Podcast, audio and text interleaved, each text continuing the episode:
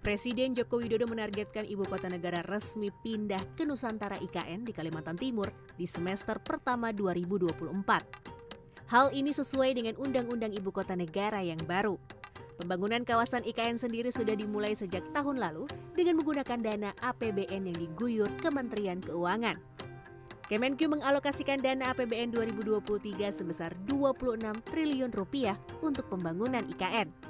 Dana 26 triliun rupiah itu akan diutamakan pada pembangunan kawasan inti pusat pemerintahan atau KIPP seluas 6.600 hektar.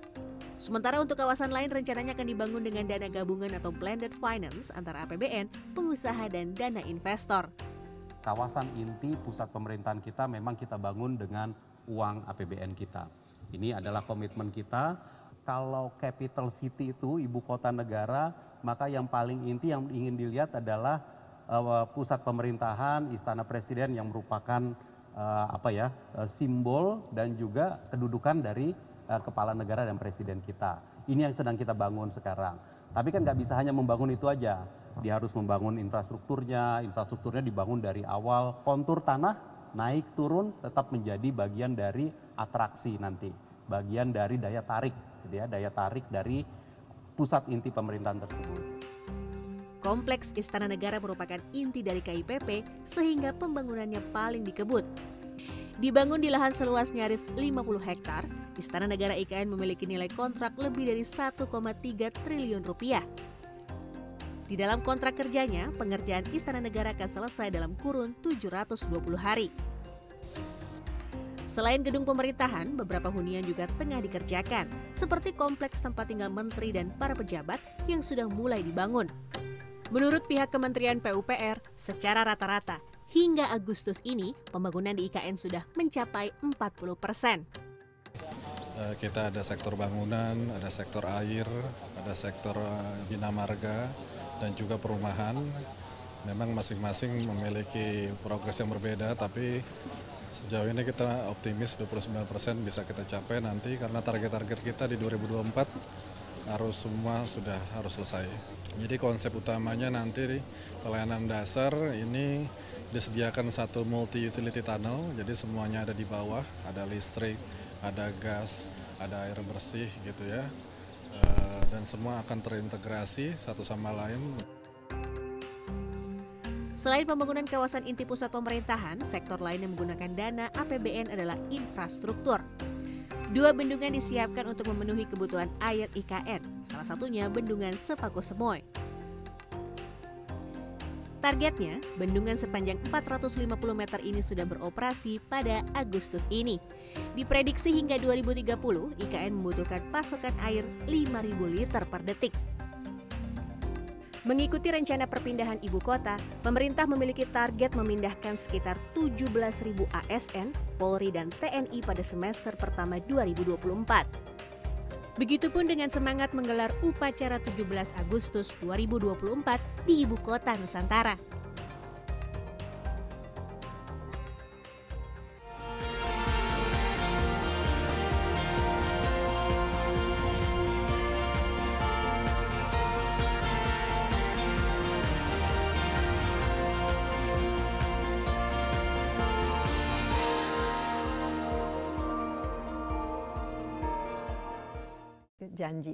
Balik lagi nanti balik tahun lagi. depan ya, untuk melihat kemajuannya ya. harus ada kemajuannya.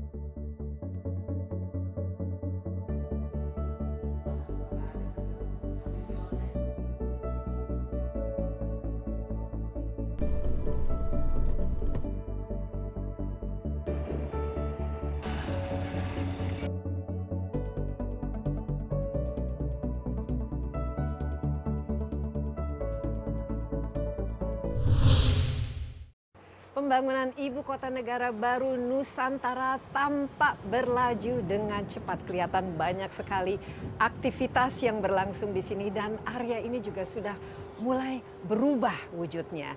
Diharapkan ibu kota Nusantara akan menjadi peradaban baru. Ini diharapkan juga menjadi kota yang menjadi contoh bagi dunia.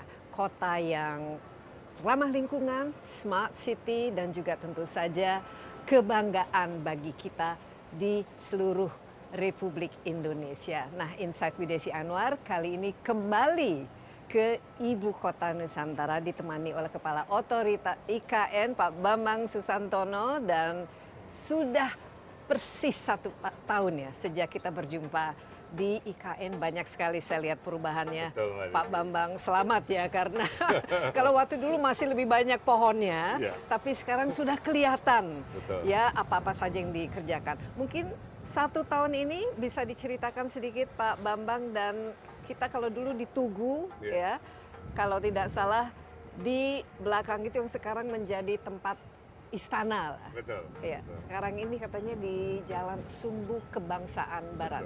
Silahkan cerita Pak Bambang. Terima Apa- kasih Mbak Desi. Jadi senang juga karena kita mengikuti kan gitu ya, apalagi CNN Indonesia dan Mbak Desi mengikuti Dari pembangunan awal, dari awal. kita awasi. Seeing is believing Betul. ya. Dan uh, seeing is believing itu jadi satu mantra juga buat semua orang, baik orang dari dalam negeri maupun luar negeri yang datang ke sini dan setelah melihat apa yang kita kerjakan, oh iya ya, ini kayaknya jadi bener ini dia bilang gitu. Ada ada yang meragukan gitu Iya. ya. Nah, Kalau kita lihat di sini ini adalah sumbu kebangsaan yang uh, uh, menghadapnya ke tenggara kalau kita lihat di Kompas ya. Dan di sana itu ada uh, istana kepresidenan yang sedang dibangun. Iya, yang waktu dulu masih pohon-pohon. Betul, tempat campingnya Pak Presiden pertama kali. Kita juga waktu itu akan wawancara di sana. Tapi kemudian yang ke bawah ini semua nanti akan membentuk satu uh, area seperti halnya kalau di Washington DC itu the mall ya. Iya. Uh, nanti akan ada bukit uh, bendera, kemudian ada plaza untuk upacara nanti, kemudian nanti akan juga titik nol. Titik nol yang baru nanti dengan monumen yang baru itu juga membentuk satu sumbu dan yang paling menarik Mbak Desi di akhir sumbu ini nanti akan ada titik nol konservasi kita sebutnya Titik nol konservasi. di tengah-tengah hutan bakau. Jadi itu memberikan simbol bahwa ya ibu kota kita seperti yang Mbak Desi sampaikan tadi benar-benar harus comply dengan segala macam environmental conditions gitu. Jadi itu yang kita harapkan terjadi dan tahun ini dan eh, satu tahun berikutnya nanti mungkin akan lebih Akan lebih, lebih. lagi riuh rendah daripada yang ini. Iya, Gitu. pastilah kalau dalam satu tahun saja luar biasa ya perubahannya. Berapa persen kira-kira hamp- eh, sudah jadi Pak Bambang? Iya, kalau kita melihat eh, angka-angka dari teman-teman dari Kementerian PUPR hingga saat ini kurang lebih sekitar 38 hingga 40 persen.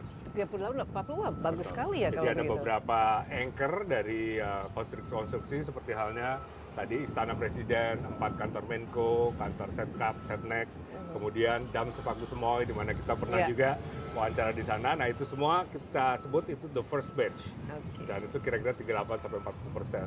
Tapi Mbak Desi, sebentar lagi kira-kira paling tidak sebulan lagi kita akan melihat geliat lain yaitu teman-teman swasta mulai masuk ini. Nah, ini Gitu. dia. Jadi ini 38 sampai 40 persen dari 100 persen kawasan IKN Kawasan ini. untuk sumbu kebangsaan ini. Jadi yang untuk intinya sebenarnya sudah hampir rampung ya bisa dikatakan satu perlu berapa lama lagi nih sebelum ini kan kita ada nanti ada istana presiden, istana wapres, kemudian apa apa saja de- di kawasan inti ada kementerian, Kementerian betul, jadi empat kantor ya Menko. Menko, Kemudian nanti akan ada Kementerian PUPR, Kementerian Keuangan, Insya Allah kantor otorita.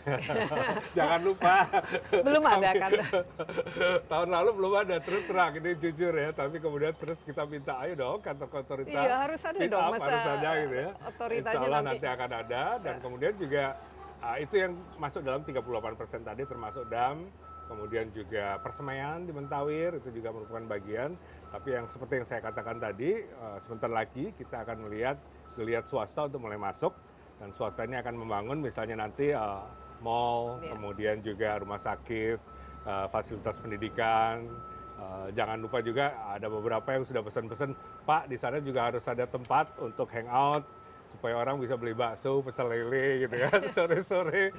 Mereka Ini- kangen katanya kalau Ini nggak ada sebentar itu. lagi ini kita hitung berapa eh, berapa bulan kira-kira sebelum swasta masuk Pak Bambang? Eh, kalau kita lihat stage-nya ya, sebetulnya ini kan ini long stage. Jadi ada sedikit eh, kesalahan dalam persepsi bahwa semuanya harus selesai 2024. Enggak gitu ya. 2024 itu yang kita harapkan selesai adalah satu ekosistem kecil, mungkin sekitar eh, 900-an hektar ya. Tapi itu tadi eh, terdiri dari Dari kantor- 6.600 Yes, 6.600 sekian. hektar untuk KIPP semua.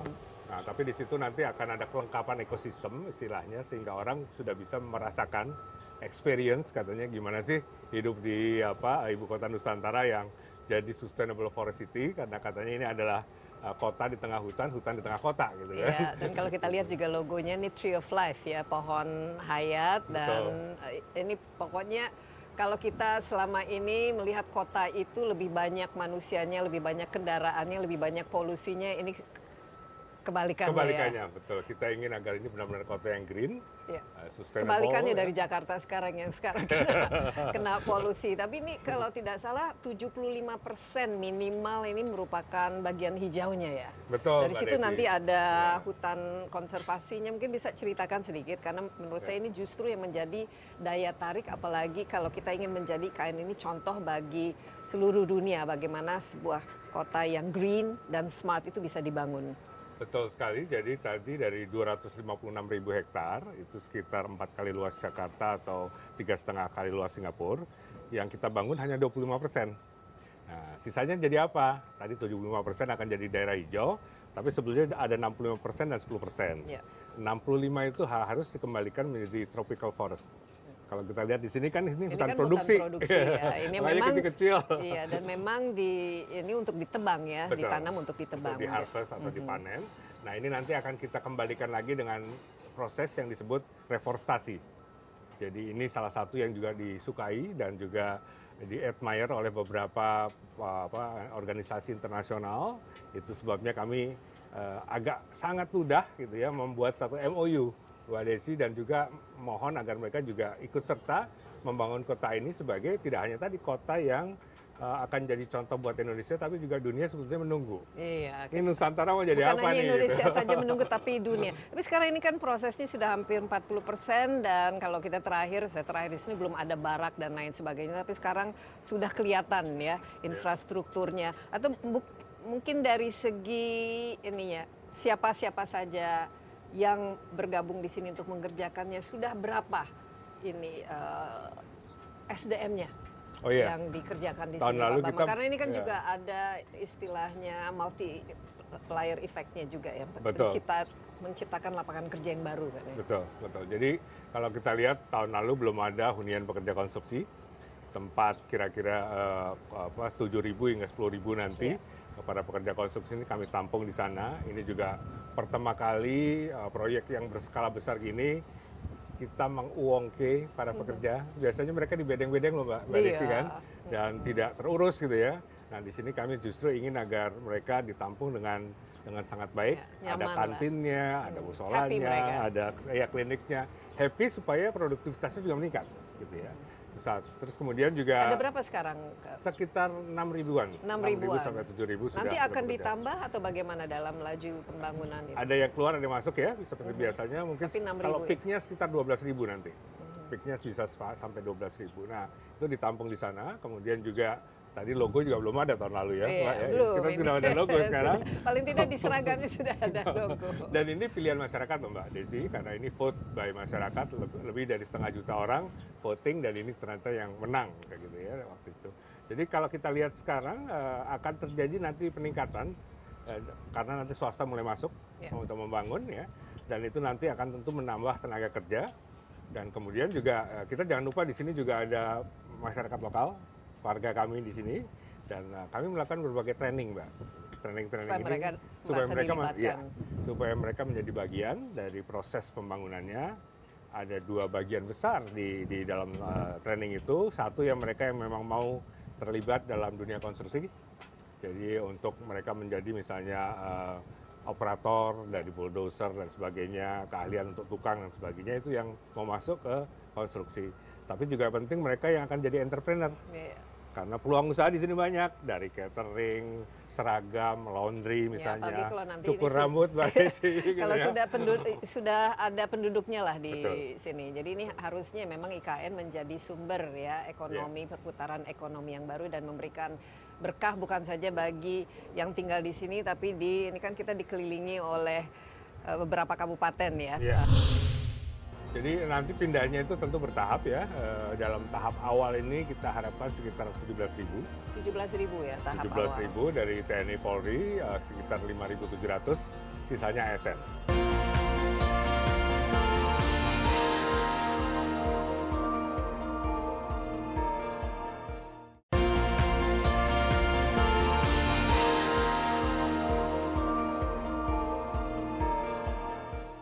Tahun 2024 ya kita harapkan nanti kalau kita ketemu ada upacaranya di sini. Sini Tapi ya. tentu saja ini kan berarti pemerintahan sudah pindah ke Ya, sini. Insya Allah.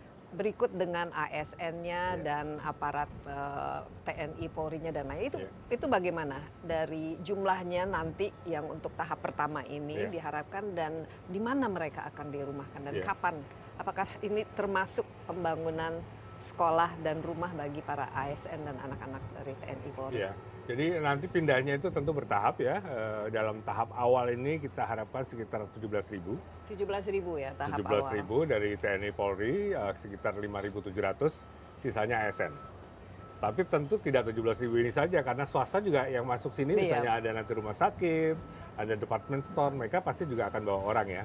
Nah itu semua nanti akan ditampung dalam tower-tower, apartemen, eh, dan kemudian ada juga landed houses yang sedang dibangun, khusus untuk TNI Polri ini untuk rumah dinas, itu eh, sedang dikerjakan oleh Kementerian PUPR, dan insya Allah itu merupakan bagian dari tower yang akan disediakan kepada ASN yang akan pindah duluan. Iya. Nah kalau Juga tahap TNI awal ini Polri. sampai tahun 2025 kan tahap awal Iya. Ya, dan mungkin awal-awalnya ya itu keluarga belum mungkin masih single status dulu ya kalau yang tinggal Betul. di Jadi sini. eh, kalau kita lihat, kalau kita refleksi ke kita biasanya kan kalau pindah ke satu tempat Iya. lihat-lihat dulu ya, Mbak.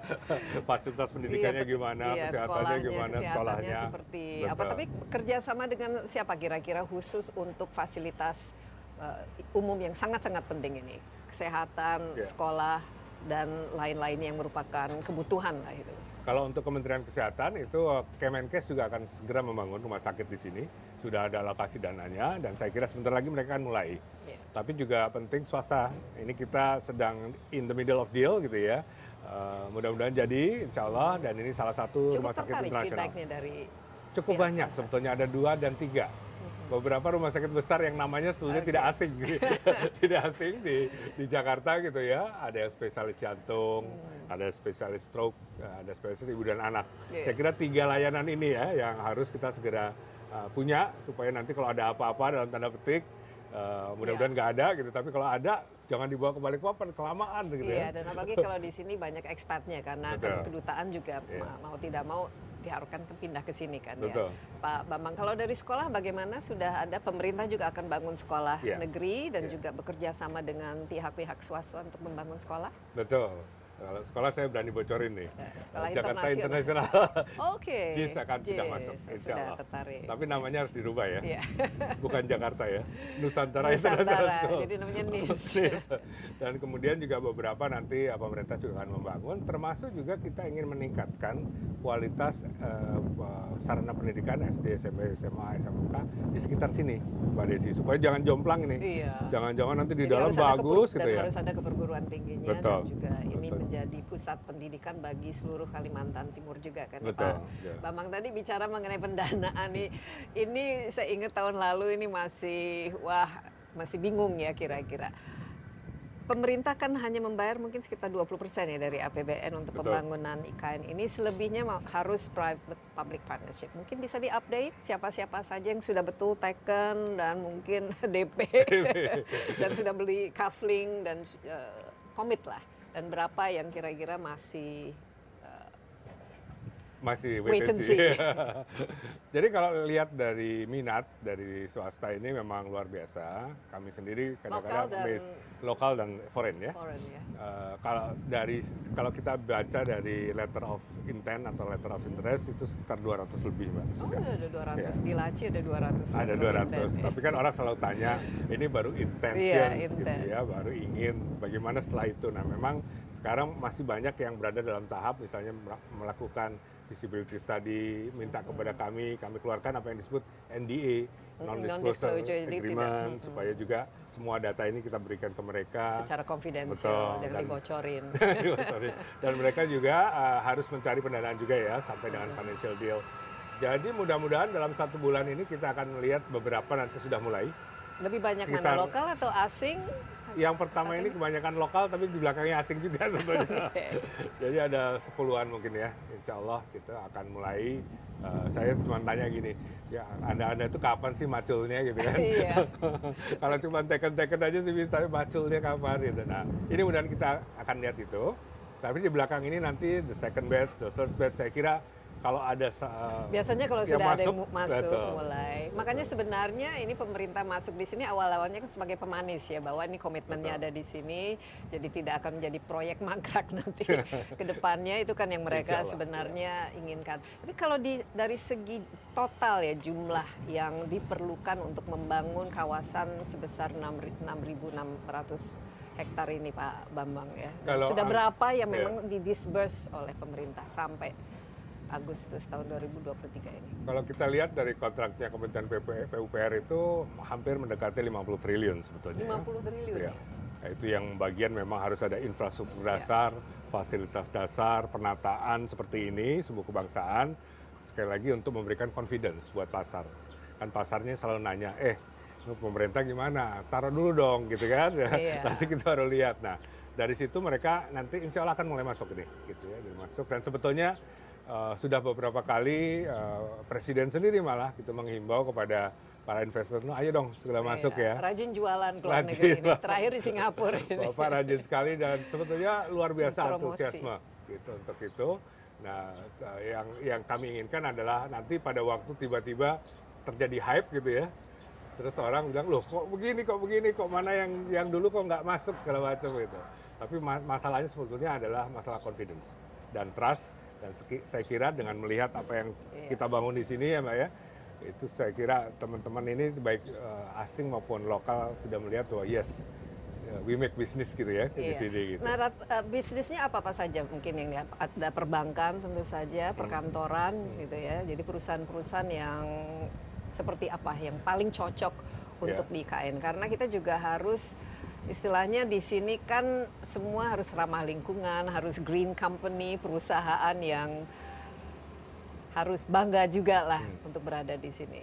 Nah, yang masuk ini yang tahap pertama yang saya lihat eh, akan segera deal adalah properties ya. Properties ya. Properties, kemudian juga tadi layanan dasar, eh, pendidikan, kesehatan, leisure, oh, misalnya eh, department store Iya. Dan segala macam pernak perniknya. Restoran, restoran, restoran itu dari yang upscale sampai yang pe- pecel lele, mie bakso segala macamnya kita pengen juga ada di Iya, situ kan. jadi harus ada food court. Betul. gitu. Dan kemudian tadi yang penunjang misalnya perbankan itu juga ada sudah ada beberapa malah yang ingin Sudah masuk ada, sini. Pak. Kemudian dari sisi eh, infrastruktur juga misalnya untuk energi, energi terbarukan itu juga banyak yang berminat. Smart city dengan segala macam komponennya, data center, digital, teknologi segala macam. Kita nanti misalnya akan monitoringnya dengan drone. Gitu. Semua nanti misalnya eh, tumbuh-tumbuhan di sini juga akan ada ID-nya, Mbak. Jadi kita tahu persis bagaimana Ada QR code-nya nanti Yes. tinggal. Ini Gitu. pohonnya apa? Betul, karena kita ingin punya satu nature positive plan istilahnya. Dan ini banyak di uh, appraise dan, Dan uh, ini, ini melibatkan para pakar-pakar dari lingkungan hidup tentu saja Betul. untuk ini. Dan kami uh, tidak hanya dari dalam negeri, tapi juga dari dalam negeri dengan semua universitas ternama. Nah, itu kita sudah melakukan Kerjasama. MOU kerjasama.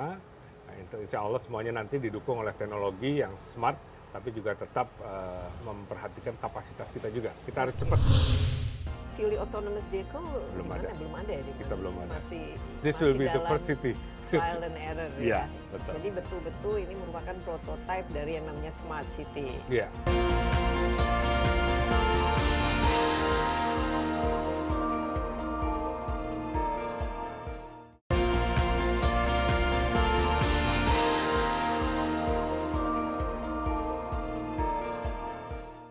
Kita bicara mengenai smart city, Iya. green city dan lain sebagainya. Ngomong-ngomong ini proses pembangunan ini semua dilakukan dengan smart juga nggak Pak Bambang? Memperhatikan aspek-aspek ya bukan saja amdalnya tapi dari segi emisinya yang dikeluarkan itu ada ininya KPI-nya yang perlu di uh, Iya. penuhi. Penting ini. Iya, Karena- jangan sampai ini ternyata cara membangunnya tidak smart begitu, tidak ramah lingkungan. Kami berupaya sejauh mungkin untuk memenuhi kaidah-kaidah untuk green building and smart building. uh, kami bekerja sama benchmark dengan beberapa organisasi internasional, misalnya Green Building Code segala macam. Nah ini proses ya, Pak ya. Uh, kita melihat bahwa misalnya bagaimana kita melakukan desain-desain yang benar-benar ramah lingkungan di Iya. sini ya. Uh, istilahnya kalau untuk perubahan iklim kan ada adaptasinya, Iya. ada adaptasi, ada mitigasi. Nah ini kita mintakan kita selalu uh, mengingatkan kepada para pekerja di sini untuk selalu benar-benar uh, working with nature, gitu ya. Bahkan Pak uh, Presiden sendiri bilang pada waktu itu kalau butuh tanah satu kali satu meter, ya yang dipakai itu aja, yang yang kiri kanannya jangan ditebang. Nah, ini bahasa sederhana Bapak Presiden pada waktu mengingatkan kepada semua pihak yang terlibat dalam pembangunan di sini harus selalu comply dengan the green principle. gitu Iya, ya, tapi so far karena saya udah lihat blueprintnya itu luar biasa cantiknya. Tapi ini kan di, ini kan masih di atas kertas ya. Tapi kalau Betul. se- sekarang sesuai nggak dengan blueprint awal itu, Pak Bambang? Atau mungkin ada perubahan sana sini dan Kalau so in principle harus harus sesuai. Karena ba- Gitu. bagus bagus Betul, sekali ya betul. ide 75% merupakan hutan dan Iya. 25% merupakan smart city yang Iya. Saya ingat Pak Bambang mengatakan kalau ke mana-mana 10-15 menit itu maksimum Ya, untuk 10 jalan minute city. 10 minute city untuk Yes. Iya. jalan kaki atau naik inilah Ya. naik eh, kendaraan ramah lingkungan. Jadi Itu planning itu, Mbak. Desi, harus tetap dipenuhi. Iya. Kita nggak pengen agak ada deviasi yang terlalu besar. Meskipun kalau kita lihat konturnya, topografinya Iya. kan, pasti akan ada adjustment di situ kan. Gitu. Tapi adjustment ini jangan sampai eh, meninggalkan prinsip-prinsip tadi. 10 minute city, 70% dari semua trip harus dengan public transport Iya. kan. Semua kendaraan harus green. Ya, nggak yang nggak green silakan parkir di luar. Nanti kita Yang- tarik yang ke dalam. green nggak boleh masuk. boleh masuk gitu ya. Uh, Hal seperti itu harus kita tetap ingatkan dan kami ada beberapa panduan-panduan yang selalu kami share dan kami ingatkan kepada para pelaksana di lapangan. Dari segi teknologi nanti apa-apa saja yang akan menunjang dan mendukung Nusantara ini. Karena kalau green city semuanya smart itu kan harus on the grid ya. Yes. apa nanti teknologinya dan kerjasama dengan siapa saja dan nanti bagaimana ini bentuk eh, wujudnya itu seperti apa? Nah, mungkin uh, saya awali dengan transportasi. Karena di transportasi itu kita menerapkan apa yang disebut intelligent transport system. Jadi nanti command centernya dari command center dengan dengan display segala macam dengan ribuan CCTV kita bisa memonitor uh, semua pergerakan di sini. Kita bisa juga memonitor beberapa hal yang berhubungan dengan misalnya bagaimana kita mengatur rute angkutan umum. Iya. Tadi kan 10 menit harus bisa seseorang itu mencapai satu transit point. Kemudian semua jadi orang ini semua nanti autonomous ya maksudnya self driving cars atau self driving buses kan biasanya kalau kita bicara mengenai insya Allah. electric Iya. vehicle Iya. siapa nanti yang provide platformnya nanti akan dari kota tentu ya, dari kami akan bekerja sama dengan provider-provider yang yang mampu untuk me- me- apa, melaksanakan itu. Eh, autonomous vehicles, kemudian juga yang kita sedang eh, upayakan proof of concept adalah sky taxi. Sky taxi. Jadi Oke. a big drone. Pakai drone ya. Iya. Wow, ini Kata orang jadi kayak di Avatar iya, katanya. Makanya kayak di Avatar atau kalau film-film science fiction ya. Iya. like- Ini 2045 loh Mbak 2000 Desi. 2045 Yes, ya. yes. Jangan-jangan bisa jauh lebih Lebih cepat. lebih cepat karena Betul. teknologi kan terus-menerus ya berjalan dengan cepat. Jadi Jadi, apa lagi? Jadi ada sky taxi, Ada autonomous ada vehicles. autonomous vehicle, dan ada smart apa? building. Smart building. Oke, Uh, smart building berarti apa? Semua Misalnya listrik smart dari light, ya. solar dari You can control matahari, anything in your surya. room, in your house with your Oke. apps. Oke. Jadi, Sebelum pulang gitu ya, Berarti- tolong dong masakin ininya air buat kopi nanti gitu kan. itu udah langsung di rumah misalnya. Berarti wifi-nya harus kencang, Harus Pak Bambang. kencang, gitu. boleh lemot. Betul. Nah itulah uh, jadi smart metering juga untuk water. Hmm. Jadi kita mengontrol smart energy, smart metering misalnya bagaimana energi dan water ini nanti se- seefisien mungkin sesuai kebutuhan kita. Tapi prinsipnya kan kalau smart city atau teknologi yang terbaru ini apakah itu menggunakan AI, artificial intelligence, Hmm. Internet of Things yang lainnya Atau semuanya mungkin ASN-nya udah AI tahun 2045. harus membantu kita, Mbak, betul. kita manusianya justru sudah tidak ada. Iya, Jadi ini ini kita targetnya tahun 2045 ya. Indonesia And step namanya by step kita ke udah sana. the golden Indonesia gitu sudah 100 Insya tahun. Allah. Tapi sekarang ini smart city yang dalam impian ini belum ada di mana-mana ya. Paling yang mendekati apa ya, Pak Bapak? Yang- Supaya kita juga punya bisa berimajinasi nih Iya. seperti apa nanti bentuknya. Yang paling mendekati kalau dari teman-teman di swasta itu misalnya mengatur building environment supaya misalnya uh, cooling sistemnya AC-nya tuh energinya misalnya sangat efisien. Ya.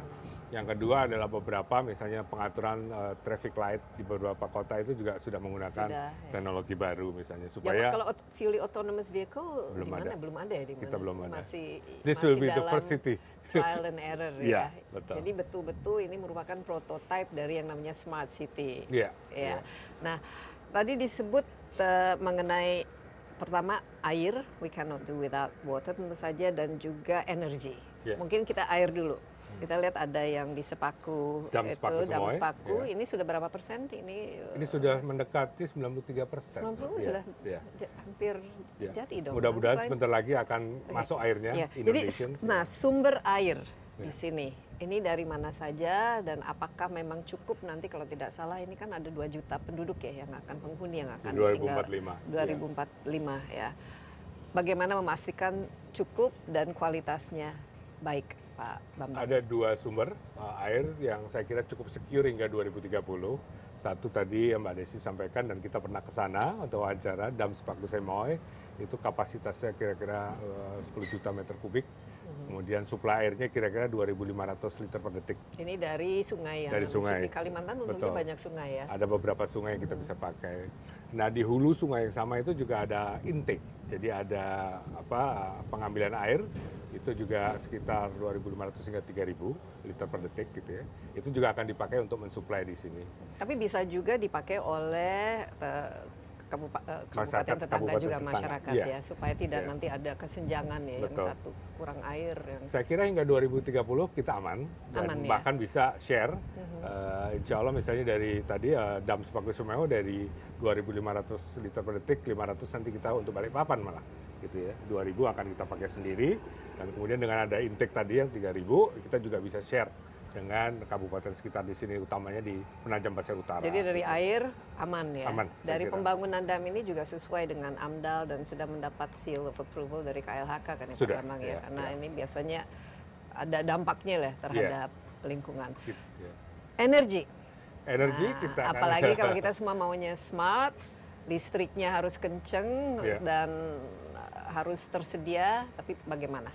Energi itu kita untuk tahap awal ya kita eh, tetap memakai PLN karena eh, untuk keamanan dari tadi kita lihat di sini ada istana, ada kantor-kantor pemerintah, security, stability, and reliability itu harus ada dan ta- dalam tahap awal kita bekerjasama Mau dengan tidak PLN. mau ya? dengan Tapi di PLN. sini masih PLTU ya, atau ada Eh, yang lain? Mungkin kita kan harapkan eh, listrik yang masuk itu dengan dari pembangkit tenaga gas. gas ya. Itu nanti akan dicampur dengan eh, 50 megawatt eh, renewable energy dari solar farm yang akan segera kita bangun. Itu sekitar kapasitasnya 50 megawatt di bagian selatan dari KIPP. Jadi kan ada ada wilayah pembangunan kawasan inti pusat pemerintahan KIPP di sebelahnya itu ada wilayah pembangunan untuk energi terbarukan.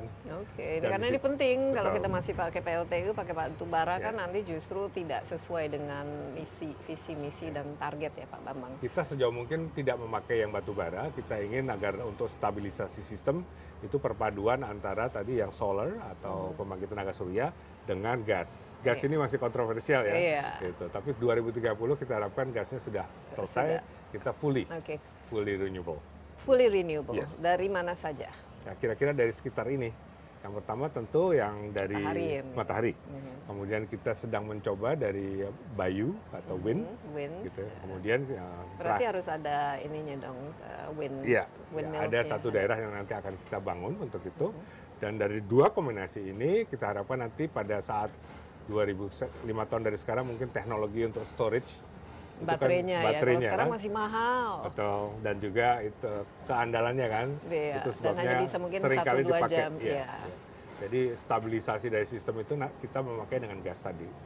Kita harapkan dalam 2-3 tahun ke depan ada teknologi baru itu sudah Iya. mature dan kita bisa tidak lagi menggunakan yang gas. Iya, jadi PLN tidak pakai inter kita biasanya kan intermittennya ya Betul. PLN. Jadi kalau malam hari atau Cycle-nya ya, ya, cycle-nya. ya. Jadi tahun 2045 betul-betul berdasarkan renewable Harus energy. 100% renewable. Wow, it's amazing ya dan tentu saja ini sangat penting karena tidak boleh ada emisi ini harus nol emisi ya, kalau dari IKN organisasi dengan segala macam orang dari macam-macam institusi ya. Ini kan ada ASN, ada BUMN, ada swasta. It's a melting pot. Mereka Iya. harus membentuk kultur yang mampu tidak hanya sekarang tantangannya, tapi tantangan sampai 2045. gitu Iya. ya.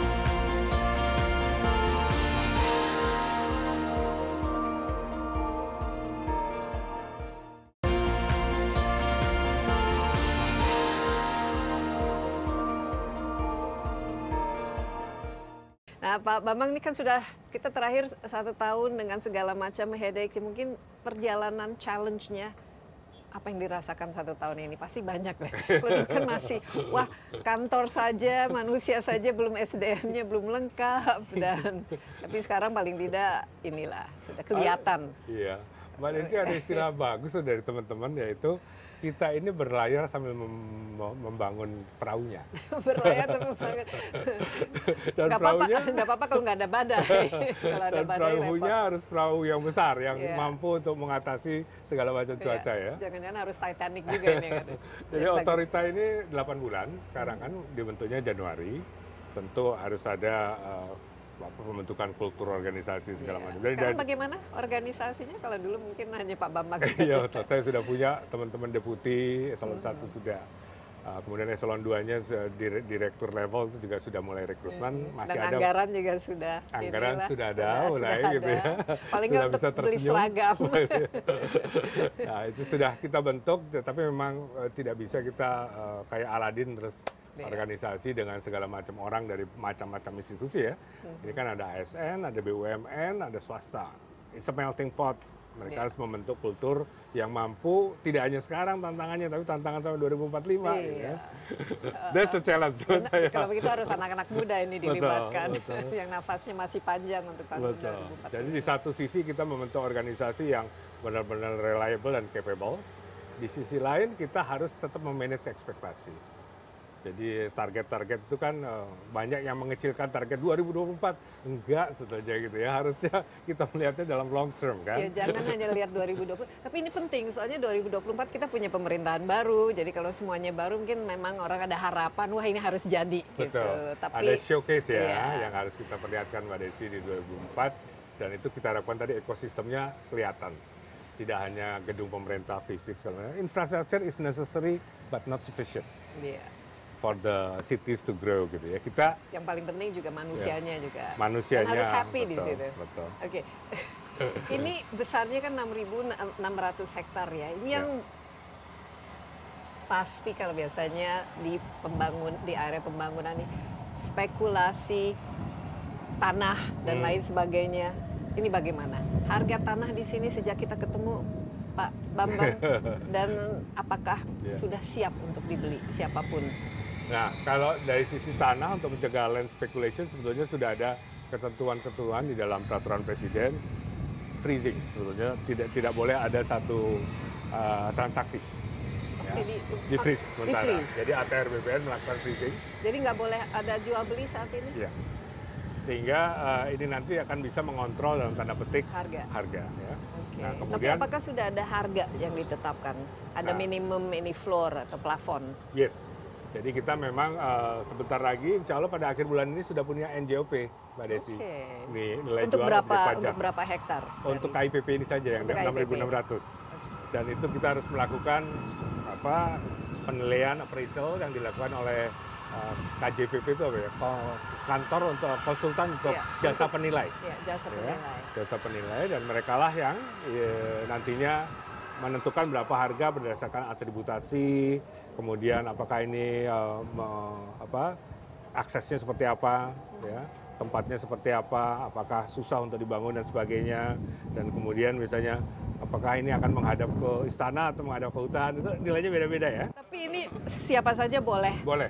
boleh. Kapan kira-kira dibuka kerannya, Pak Bambang? Sebetulnya kita sudah buka untuk selain harga ya, eh, kesempatan untuk semua pihak investor yang mau berinvestasi di sini kan sudah dibuka seiring dengan Pak Jokowi. Ya. Tapi waktu de- dengan harga, tapi di situ sudah dimasukin harganya kan bagi para investor. Cuman ada NDA-nya nggak boleh dikasih tahu ya. Betul, betul. Pak Menko Pak Luhut bilang, Bang, ini enam bulan sekali kita harus review karena ini pasti nanti naiknya seperti Iya. eksponensial gitu menurut Iya, beliau gitu. Memang biasanya kalau kalau awal-awal masih kosong kan ada nanti yang ada early bird-nya. Betul, betul. Dan kemudian nanti kalau sudah sudah hampir jadi pasti harganya semakin lama semakin mahal Naik, ya iya, tentu betul. saja. Setelah Nah, kita lihat nanti ini tertata, Iya. tertata, aksesnya bagus dan internetnya kuat tadi kan. Jadi Iya. ya. Ini Tapi boleh, boleh, boleh juga ya kalau kita punya ini, punya rumah menghadap ke hutan. Itu lebih romantis Ya, loh, lebih romantis dan harganya juga mungkin pasti lebih ini ya, lebih tinggi lah. Tapi Iya. Mbak Bambang headache yang paling yang tantangan yang terberat ya selama satu tahun ini. Tadi kan memang aspeknya cukup banyak SDM dan eh, dari keanggaran dan lain sebagainya. Tapi yang membuat Pak Bambang ini wah ini benar-benar membangun suatu peradaban bukan hanya membangun kota. Eh, saya kira managing expectation ya. Orang Hmm. Tapi ekspektasi siapa? ekspektasinya Ekspektasi bos atau ekspektasi masyarakat, masyarakat? lah gitu ya. Masyarakat ini harus jadi kan. Mhm. Nggak boleh jadi pro, pro- proyek mangkrak. Bagaimana membangun kota ini supaya dia self sufficient. Sehingga siapa pun nanti yang meneruskan pemerintahan dia tidak akan tergantung kepada itu. Dan makin banyak orang masuk sebetulnya, makin banyak investor masuk, Mbak Desi, saya, teman-teman lain masuk, mereka lah yang akan mempertahankan keberlanjutan, sustainability dari kota ini, gitu ya. Itu yang kami, saya, saya challenge buat saya yang besar adalah, ayo teman-teman masuk dong, gitu ya. Ayo kita sama-sama bikin ini sebagai kota yang unstoppable, gitu. Jadi kita sudah mulai, kita harus selesaikan, jangan tiba-tiba. Nah ini Pak Bambang sendiri melihat ini kan kita sudah masuk tahun politik ya. Ini penting ya, jadi komitmen dari pemerintah yang baru untuk meneruskan ya. Ba- Menurut Pak Bambang ini itu men- salah satu headache untuk managing expectation itu juga nggak? Menurut saya kebalikannya, Ke Mbak Desi. political will gitu untuk Political will itu akan juga eh, di- harus ditunjang dengan political demand dari siapa pun yang akan menjadi citizen ataupun warga dari kota ini. Kalau warga kota ini bilang, eh siapa pun nanti yang meneruskan eh, pemerintahan, Anda harus komit dong sama kami. We are here gitu ya. Kita sudah di sini, kita sudah invest di sini, kita sudah melaksanakan berbagai aktivitas di sini. Kita yakini ini sebagai kota yang a new ways of working, living and learning. Then you must commit commit it. ada gitu ya. demand itu. Ada. So, that, uh, walaupun semua sebagian dari mereka masih oke, sebentar lagi nih ya gitu. Tapi saya kira itu bisa kita create. Kita bisa rangkul. Uh, sebelum ini kan tadi kita ngobrol-ngobrol, Mbak Desi aja udah mau gitu kan. Enggak, tapi Gimana memang- caranya beli memang- rumah di sini gitu kan. Memang mau tidak mau harus lebih banyak yang diundang sini. Ini Betul. selama satu tahun ini banyak yang datang sini Pak Bambang ini Kami ingin harus uh, show and tell kan. Betul. Kami ingin Seeing mulai. Marketing dengan cara seperti itu. Bahkan nanti uh, glamping kita di atas, silahkan merasakan misalnya ini ambience, experience, how you live in sustainable forest city gitu ya. Dan itu harus nanti uh, digulirkan sehingga ada sn- snowballing efeknya. Iya, kalau Tapi dari kami ingin benar-benar makin banyak yang datang, seeing is believing, makin committed dan nanti seperti Mbak Desi juga jadi duta kita gitu kan, bilang ke semua Ya orang. memang itu ini benar-benar harus seeing is believing ya karena ini kan ini sekarang jalan-jalan sudah mulai dibuka ya sudah mulai kelihatan lah bentuknya dan eh, bisa dibayangkan nanti seperti apa. buatlah Nusantara ini adalah kita dan kita adalah Nusantara. Ya, sehingga kita semua akan merasakan bahwa yes, this is our cities and this is our future Indonesia emas.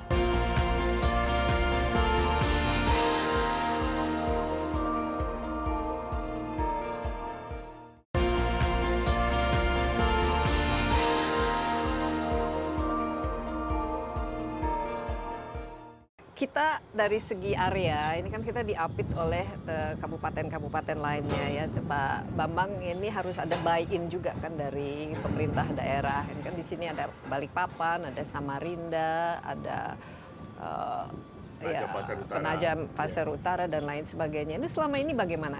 Apakah itu merupakan salah satu dari challenge-nya untuk Kebetulan mereka ini sangat eh, kolaboratif ya, Mbak Desi. Jadi eh, bahkan kita ada beberapa pegawai dari mereka juga yang langsung kontak dengan kita. Kemudian untuk sebagai mereka merasa sebagai daerah penyangga, tapi saya selalu bilang bahwa mereka adalah mitra. bukan kompetitor? ya? bukan kompetitor, mereka adalah mitra kami. Kemarin ada salah satu universitas besar swasta yang membangun juga di di, uh, di Kabupaten Penajam Pasir Utara buat kami. It's okay. itu nanti akan kita link dengan kita gitu ya. Apa yang mereka harapkan kan pasti mereka mendapatkan dalam tanda petik multiplier. Benefitnya. Yes, multiplier benefit dari IKN sebagai the new center of economic growth. Dan kalau kita lihat memang eh, tiga kota besar eh, Balikpapan, Samarinda dan Nusantara ini kan membentuk satu regional development. Nah, di tengah-tengahnya itu ada Kabupaten Penajam Pasir Utara dan juga Kabupaten Kutai Kartanegara. Uh, the whole five governments ini akan menjadi regional development yang akan menjadi motor nanti. Dan itu ternyata Mbak Desi tidak hanya dilihat oleh kita, tapi uh, tetangga kita negeri jiran Sabah, Sabah dan Sarawak dan Brunei itu juga ingin uh, Mereka sudah serta. datang sini lihat-lihat. Sudah, sudah. Dan Mungkin bahkan ada ide untuk membuat satu Brunei Economic Development. Uh, sorry, uh, Borneo Economic Borneo. Development. Ya, Karena Borneo kita kan- betul-betul dekat ya. Ini Betul-betul. ini this is a good idea ya. Iya. Jadi betul-betul ini kota yang sifatnya internasional ya. Betul. Tamu-tamu asing lain Hampir yang dua minggu sekali ada yang dari mana datang. saja yang paling memorable karena Jumlahnya uh, jumlahnya dan juga antusiasmenya setelah melihat pro- progres. Eh, semua negeri jiran itu berbondong-bondong datang, terutama misalnya dari Singapura, at one point mereka bawa lebih dari 120 orang. Mereka charter pesawat sendiri dari Singapura ke sini. Eh, dan mereka juga bilang, this is amazing. This is gitu ya. amazing. Apa mereka mungkin bawa ininya, bank-banknya. gitu. Masing-masing ya. Tapi juga dari Malaysia, kemudian dari Jepang, Kalau Jepang dari juga timur, Korea, kemudian dari Eropa.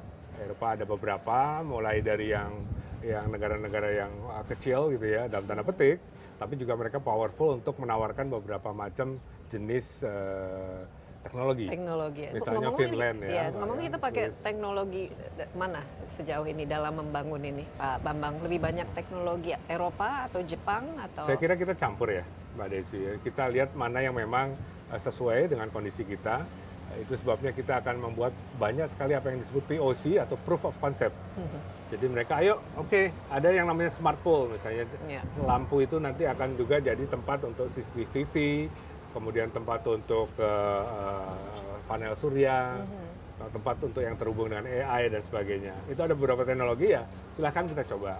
Atau mungkin tadi yang uh, Untuk autonomous E- vehicle, Ya, EV-nya. EV-nya Itu, ya, ada beberapa nanti akan dicoba di Kita sini. lihat nanti kalau Elon Musk.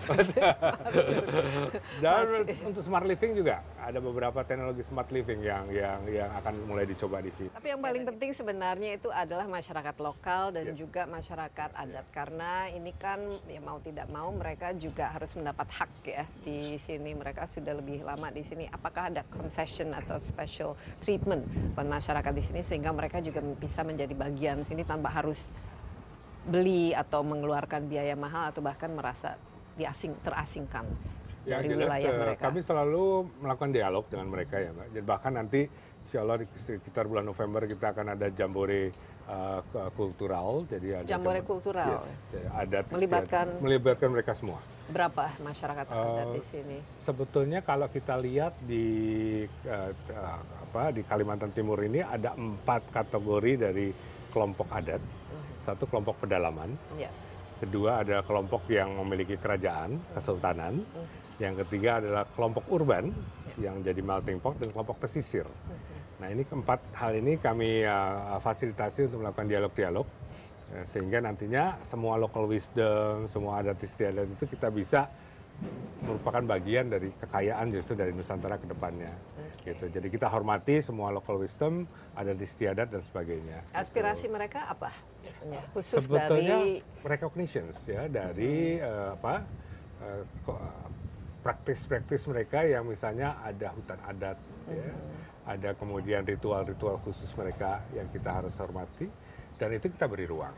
Iya. Dan Kita ini kan rumah mereka juga kan Betul. itu. Mereka tetap akan mendapat benefitnya ya Iya. dari pembangunan di sini. Jadi meskipun Nusantara itu Indonesia sentris, kita tidak akan melupakan apa yang disebut local wisdom, eh, kekayaan adat istiadat dan budaya dari yang lokal ini. Oke, gitu. kalau kita bisa tahun 2045 multiplier effect peningkatan ekonomi yang diproyeksikan karena ini kan juga bukan hanya membangun ibu kota tapi membangun satu sistem perekonomian yang bisa mensejahterakan semua itu kira-kira Ya. berapa ya ini kan Pak Bambang sebagai seorang bankir ini kalau future investment investasinya 50 triliun kira-kira nanti dari yang jelas kita Depannya. ingin agar eh, ekonomi regional di sekitar ini akan tumbuh tiga kali lipat tiga kali lipat. Tiga kali lipat, ya. Berdasarkan apa? berdasarkan tadi hitungan-hitungan eh, studi dari pada waktu kita membentuk awal studi ini kajian sebelum kita masuk master plan ya itu dilakukan oleh eh, konsultan internasional yang kredibel lah gitu ya nah kita harapkan mungkin lebih dari itu gitu ya dengan multiplier effect dengan kondisi ekonomi kita yang stabil ya. Apalagi kita dalam beberapa tahun ini meskipun diterpa oleh eh, pandemi dan sebagainya recovery kita bagus banget gitu ya. Masih 5,1 persen 5%-an kemarin di atas 5 persen. Itu jadi modal kita lah untuk nanti benar-benar membentuk uh, Nusantara ini sebagai a new center of economic growth ke depannya yang lebih equitable, lebih merata gitu ya.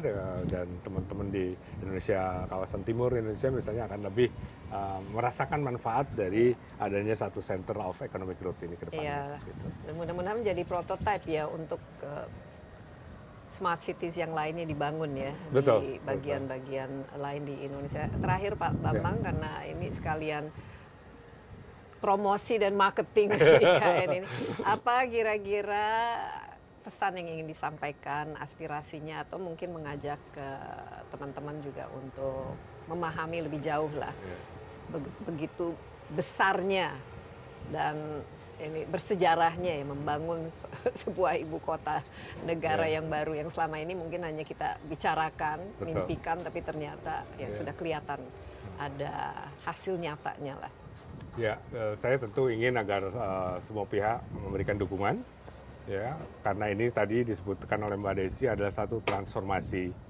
Jadi di 2045 pada waktu kita merasakan merayakan Indonesia emas, kita inginkan agar benar-benar Nusantara ini menjadi salah satu brand dari Indonesia ke depannya. A world class city for all, bukan hanya bagi Indonesia tapi juga buat dunia.